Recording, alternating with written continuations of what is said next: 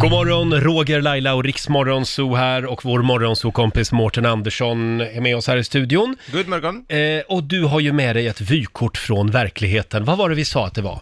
Ja, du tyckte inte det lät så sexigt, men det var ju då ett vykort från en pandemi. Blir det då. Grymt. Vi har, Fantastiskt. har en liten signatur här. Vykort från verkligheten.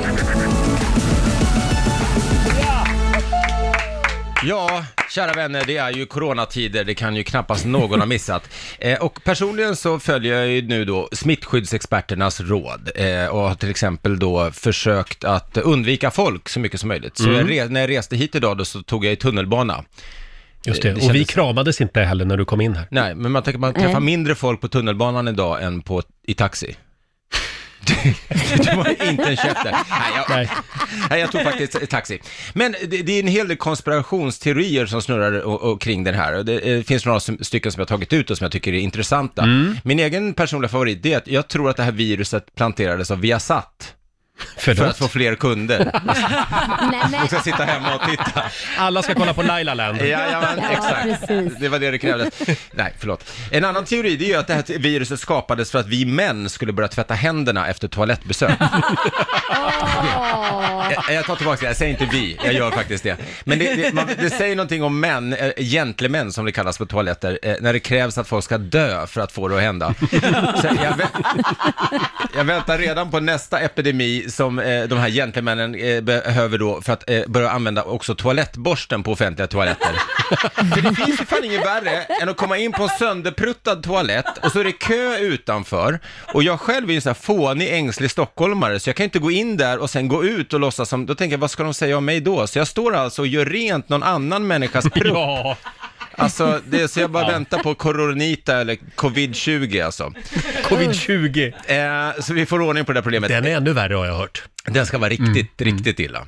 Eh, sen nu avred ju UD från att ro- resa eh, till flera länder eh, och bland annat nu då så har ju eh, Litauen stängt sina grän- gränser. Typiskt.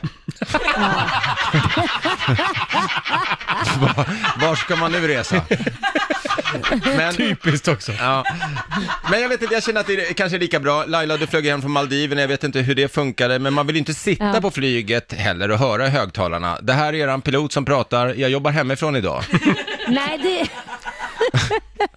Men det sen- känns sådär. Eh, och sen eh, tänkte jag också, jag, lä- jag har försökt följa i nyheterna kring det här viruset då som är som alla andra här och jag läste bland annat om ett nytt dödsfall i Bosnien. Det är en man då som har dött till följd av corona, coronaviruset. För han hade tagit livet av sig när han förstod att han skulle vara tvungen att vara hemma med sin fru i två veckor. Vi får väl se om Korosh överlever mig då. Ja, Ja, men alltså Min man sambo. undrar ju, jag, jag personligen är lite som du, Laila, jag är är- är i en väldigt lycklig relation, eh, men jag hoppas ändå inte att vi blir tvingade till, eller att vi måste välja att ha hemmaarrest. För att tänker att vara isolerad två veckor inomhus med en ett och ett halvt åring.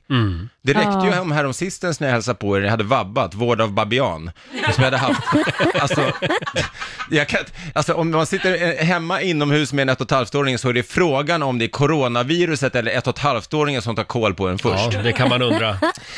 Avslutningsvis så tror jag ändå att vi kan vara lugna även om det är eh, tuffa tider nu eh, och att det här kommer snart gå över. För vi, allting började ju trots allt i Kina och vi vet själva allihopa hur länge saker håller som är made in China. Det var det! Så är det. Du får en liten applåd av oss, Mårten Andersson.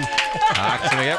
Men helt klart är ju att det här är ju en relationsprövning för väldigt många. Att, att gå hemma så mycket, eller hur Lotta? Ja, kan man säga. Vi bråkade i min relation så sent som i helgen för min kille hade valt att gå och hämta hämtmaten Ja. på en restaurang. Och jag tyckte att, är du dum i huvudet? Du hade ju kunnat beställa det hem till dörren. Där hade vi en relation, schism. Ja. Där är jag på din sida. Det finns ju någonting i namnet med hämt. Eller, Ja, eller nej, faktiskt. take away. Eller hämt. Take away, ja. Ja, ja. take away, ja, precis. Eller, Ja. Nu, Ja. ta, ta, ta tillbaka det där, det stämmer inte alls. Han kanske, han hämtade ju maten. Det borde heta lämn, Lämnmat. lämnmat. Borde, borde det heta, ja. Men du Laila, ni, Lämnmat. ni håller sams ännu så länge? Än så länge, men vårt hus är ju på tre våningar så i Mm. Ja. värsta fall kan jag bo i källaren och han bo på ovanvåningen om det skulle krisa. Ja. Ja. Men du, Mårten, känns det inte lite bra ändå att vi har satt Laila i karantän? Eh, men- Känner du dig inte lite tryggare? jag känner mig lite tryggare men också att det känns lite tomt här nästan. Mm. Ja, det, det Fast håller jag jag med är om. ju med, det är bara att du inte ser mig. Ja, men det är det som är det trevliga.